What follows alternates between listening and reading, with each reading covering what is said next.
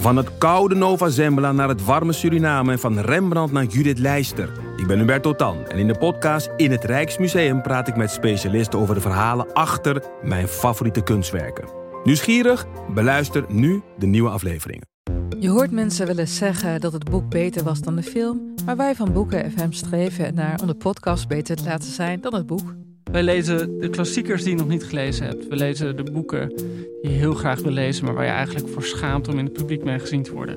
We lezen de Libris-winnaars. Uh, we praten over de Nobelprijslariaten. Allemaal zoals je een etentje hebt. Dat je moeiteloos mee kan praten en dat het lijkt alsof je helemaal belezen bent. Wij zijn Ellen, Joost en Charlotte van Boeken FM. En je kunt ons luisteren in je favoriete podcast-app.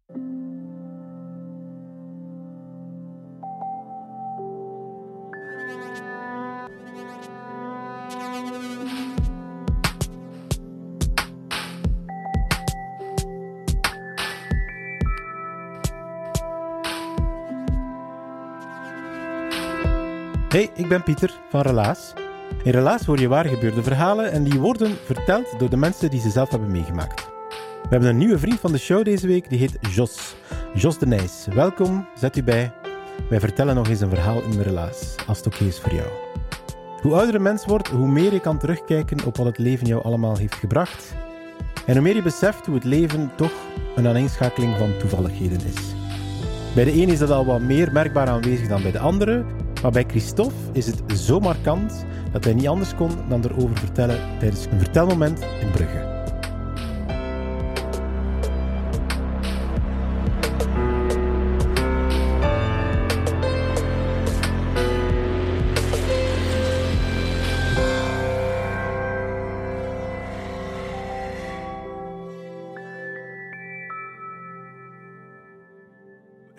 Wist niet wat dat hier ging zijn. En ik had me voorgesteld dat, uh, dat daar rond een tafel zittend ging zijn of zo.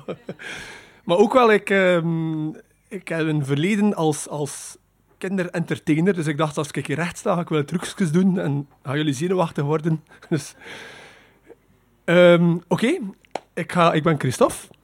Ik ga jullie vertellen over mijn carrière, waar ik nog volop in zit. Um, maar eigenlijk over het, over het toeval. Want ik heb een tijd terug beseft dat mijn carrière echt van toevalligheden aan elkaar hangt. Ik vind van mezelf dat ik een boeiende carrière heb. Ik ga even kort zeggen wat... Ik, ik heb gestudeerd voor kleuterleider. Ik ben even kleuterleider geweest. Maar al vlug werd ik circusdirecteur, echt waar. Daarna werd ik pretparkuitbater. En nu ben ik speelpleinbouwer. Dus, oké, maar ik kan... En, en een tijdje terug werd ik met mijn neus op de feiten gedrukt van... Amai, alles is gerold door een toeval en het kon eigenlijk totaal anders geweest zijn. Want toen ik studeerde voor kleuterleider, als enige jongen in een klas van 60 meisjes... Waarom vertel ik dat? Omdat dat al een interessant gegeven was. Ik heb achteraf ingezien, als, als mannelijke kleuterleider, mocht ik altijd net wat meer. Dat was een soort sfeertje van, maar ja, dat is een vent, dat is anders. Hè. Um, en in mijn tweede jaar, waar ik studeerde voor kleuterleider, deden we voor het eerst op het einde van het schooljaar, mochten we een grote stage, een week lang lesgeven in dezelfde school aan kleuters. En die stage heeft voor mij heel veel betekend, want dat moest over één thema gaan. Ik had al een keer een dagstage gedaan over, over uh, de jungle. En dan een keer, had ik een keer twee dagen, dan had ik een prentenboek gekozen. We gaan op berenjacht, twee dagen rond dat thema van dat prentenboek. En dan die laatste stage van dat tweede jaar, dacht ik, ja, ik moet weer een, een thema, misschien, misschien over piraten of, of ik wist het niet juist. Maar ik stond in de speelpleinwerking, vandaar dat ik gekozen had om kleuterleider te worden. Ehm, en ik had net van iemand leren jong leren, met drie balkjes gooien, de max. Dus ik dacht, ik ga werken rond circus. Ik had eigenlijk verder niks met circus van doen, maar ik heb dan mijn stage gedaan rond thema circus. En uiteraard, als je rond circus werkt, eindig je je stage met, met samen met die kinderen een voorstelling. Ik, vond dat, ik had mijn lesvoorbereiding uitgeschreven en allemaal zottigheden dat ik wou doen tijdens mijn stage. Je hebt ook een aantal verplichtingen natuurlijk. Je moet knutselen, je moet zorgen dat er zeker rekenen, allerhande.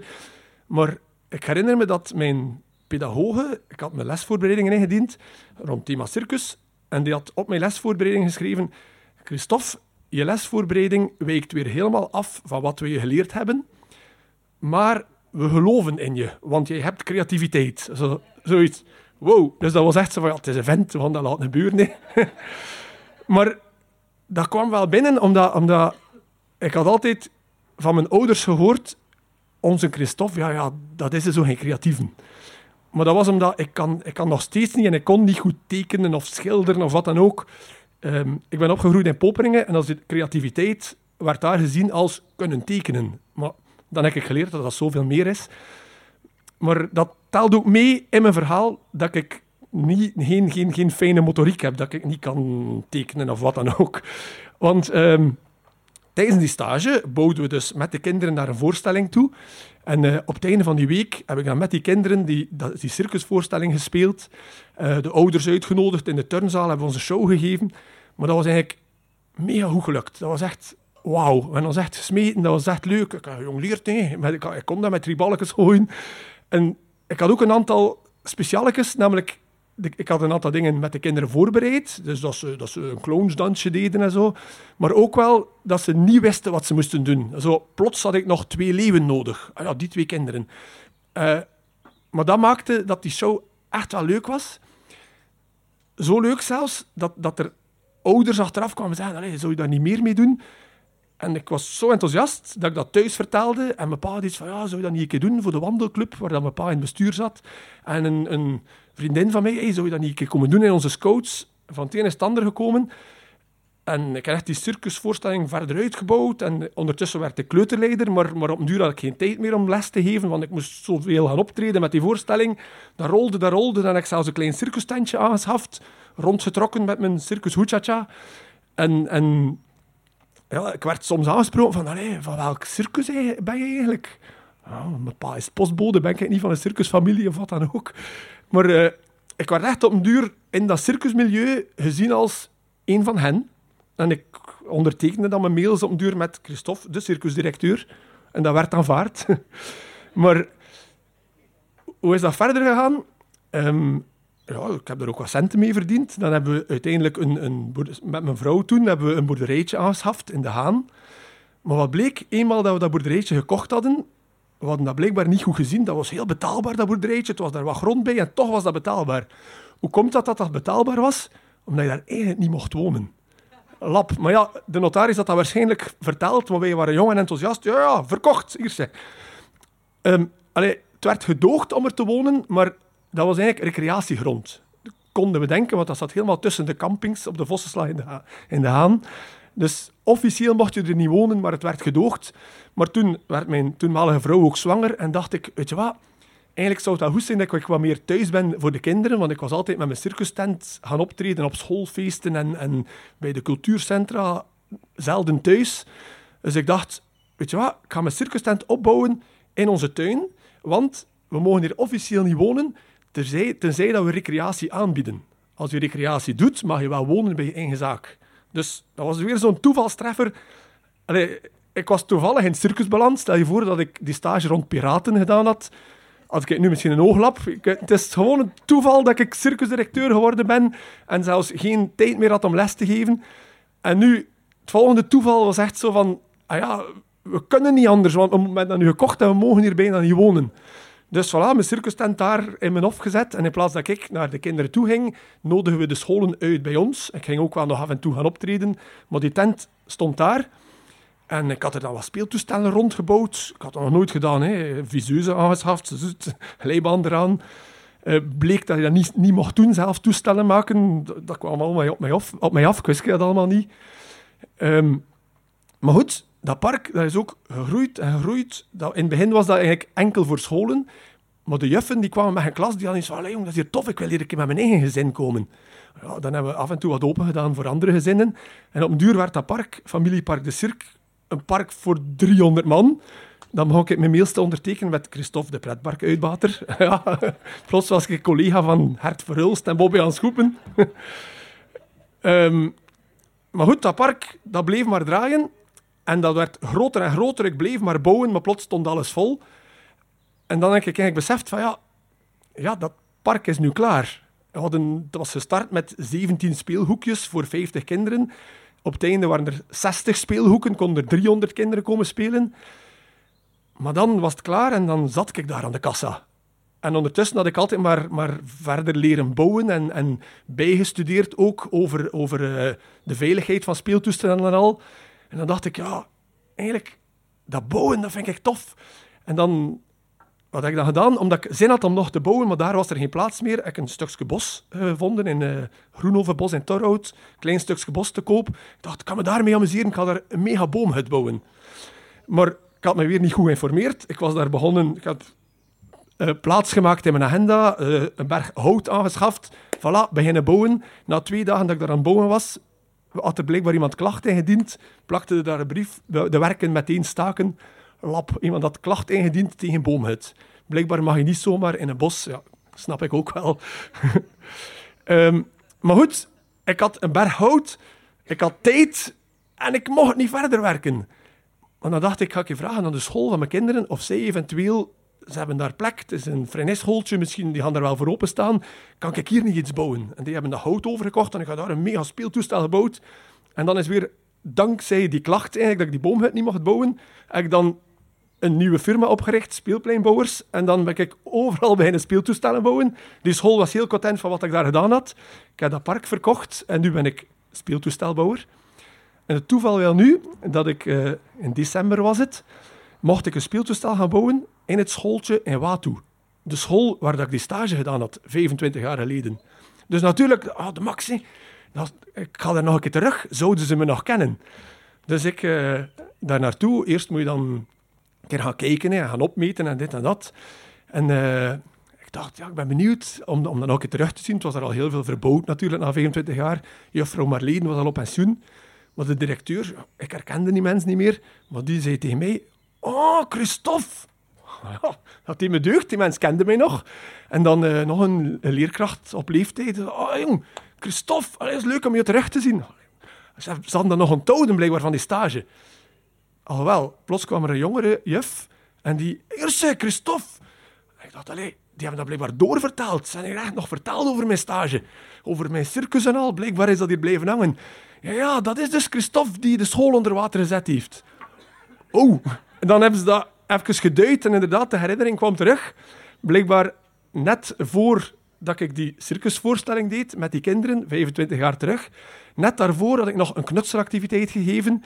Maar ja, knutsen, ik ga die kinderen niet laten tekenen, want ze, zijn, ze kunnen rapper beter tekenen dan ik.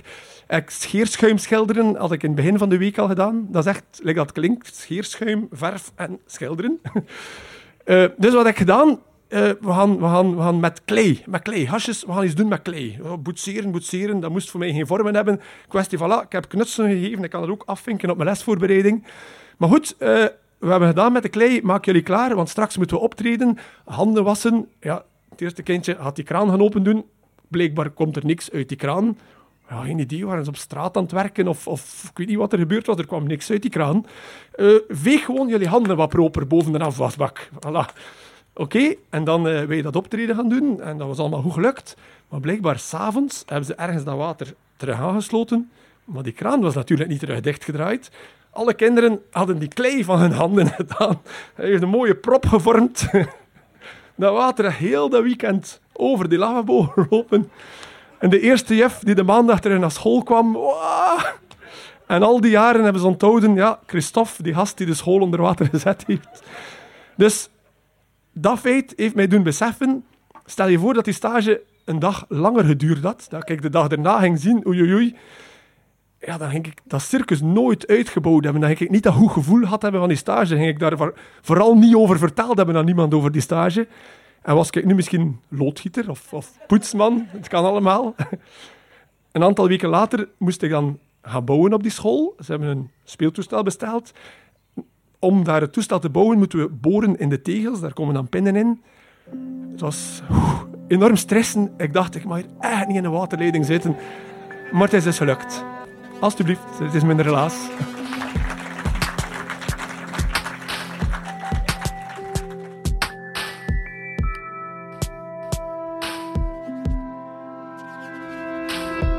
Dat was het relaas van Christophe. Hij heeft het verteld tijdens een vertelmoment in Brugge. We zaten niet allemaal netjes aan tafeltjes zoals Christophe het zich had voorgesteld, maar Christophe heeft het vooraan rechtopstaand verteld en we zaten allemaal op rijtjes stoelen om te luisteren. Kleine aanpassing voor hem, maar zoals jij kan horen, kan hij heel goed omgaan met onverwachte situaties. Hij heeft het er goed van afgebracht. Je hoeft je levensverhaal niet te komen vertellen op relaas. Eigenlijk zitten we daar niet op te wachten, op levensverhalen. Maar vaak zit er toch iets kleins in dat leven van jou. Iets wat je maakt tot wie je bent. En dat kan je met ons delen. Je moet je dan wel kandidaat stellen om je relaas te vertellen. Je kan het in het kort al achterlaten op onze website, relaas.be.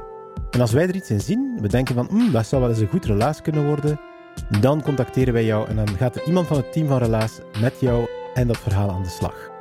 We gaan dan samen op zoek naar een rode draad, we werken een beetje aan de structuur, de vertelstijl, tot het helemaal klaar is om het op een podium te brengen. Als je denkt, ja, dat lijkt mij het proberen waard, ga ervoor. Sowieso, het is de moeite. Relaas is er dankzij de afdeling cultuur van de stad Gent en die van de Vlaamse gemeenschap. Ook dankzij een hele groep vrijwilligers in Gent, Brugge en Antwerpen. En dankzij onze vrienden van de show, die ons elke maand 2,5 euro schenken om te kunnen doen wat wij nu al zo lang doen, elke week voor jou deze Relaas podcast maken. Dank jullie wel.